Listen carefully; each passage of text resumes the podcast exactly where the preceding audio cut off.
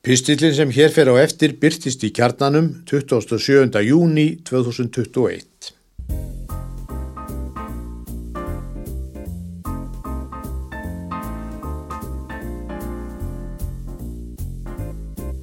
Áttræður fyrir rétt út af smáörum.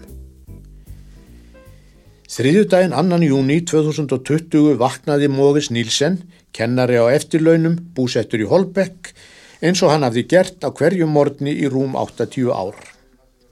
Eitt hvað var samt öðruvísi og þegar Mógens ætlaði að kveikja útvarpinu gerðist ekkert. Það var strömlöst. Mógens leit út um gluggan og sá að í öðrum húsum loguðu ljós. Strömleysið var bundið við hans hús.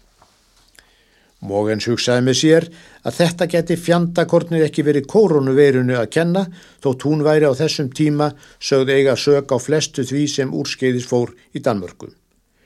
Mógens ákvað að býða ekki þess sem verða vildi en ringdi í fyrirtæki Norrlús en þar hafði hann um nokkur ára skeið keift heimilisramagnið. Þar á bæ gáttum henn komið strömnum á. Tók að vísu nokkra klukkutíma en maturinn í kæliskápnum helst óskemdur. Ástæða þess að ströymur var tekin af húsi Móges Nílsen átti sér forsögu sem hóst með símtali 10. mars 2020. Þá ringdi sölumöður frá orkusölu fyrirtækinu velkomin.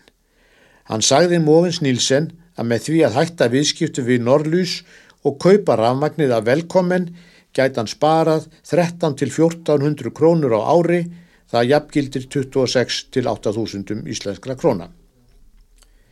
Móins Nílsen vildi gerna vita eitthvað meira og sölumæðurinn ætlaði að senda honum frekar upplýsingar. En e, það er eitt í viðbót, saði sölumæðurinn og bað um reikningsnúmer Móins Nílsen í bankanum. Það var heimskulegt að láta hann hafa númerið en ég ímyndaði mér að hann þyrtt það til að láta meta viðskiptahæfi mitt í bankanum, sagði Móis Nílsen síðar.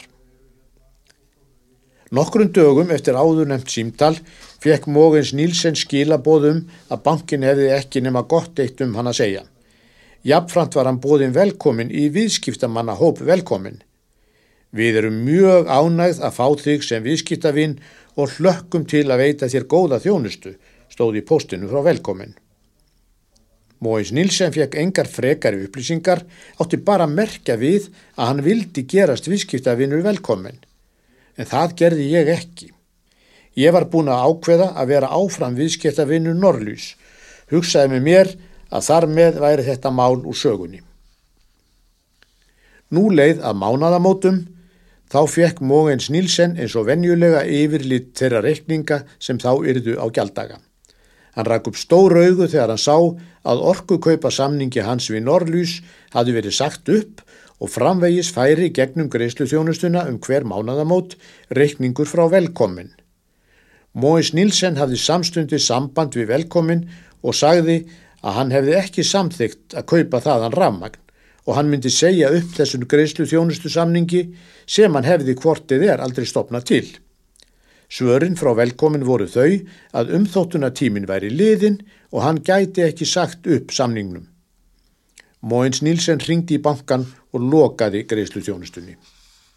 Velkomin hafði þegar í stað samband við Móins Nílsen og bað hann að endurvekja strax greiðslu þjónustu samningin. Það gerði Móins Nílsen ekki og þá sendi velkomin ítrekkun. Þar kom fram að ef hann ekki borgaði reikning sem velkomin sagði gjaldfallin hefði það afleiðingar. Móins Nílsen vissi ekki alminnilega hvað hann ætti til braðs að taka en hafði síðan samband við samtök aldraðra, eldri sagan. Þar á bæ þekktum en vel til reglana og sögðu það einfallega ólöglegt að ringja í hugsanlega viðskiptavini ef slíkt hefði ekki verið samtíkt fyrirfram. Hvað þá að gera mann sem ekki hefur undirskrifað samning af viðskiptavini? Móins Nílsen hafði aftur samband við velkomin og baðum staðfestingu á að samningnum um greiðslu þjónustuna yrði rift. Því svaraði velkomin með að senda rukkun eftir rukkun og loks hótun um að loka fyrir rammagnið, sem svo var gert annan júni 2021 eins og áður sagði. Móis Nílsen varð undrandi þegar hann komst að því að mál hans var ekki einstæmi Umbóðsmanni neytenda höfðu borist tæplega 300 kvartanir vegna fyrirtækisins velkomin og á áronum 2012 til 2020 hafði umbóðsmaður fengið rúmlega 2200 kvartanir vegna orkusölu fyrirtækja.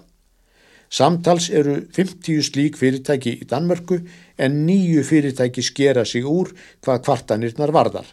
Velkomin er eitt þeirra.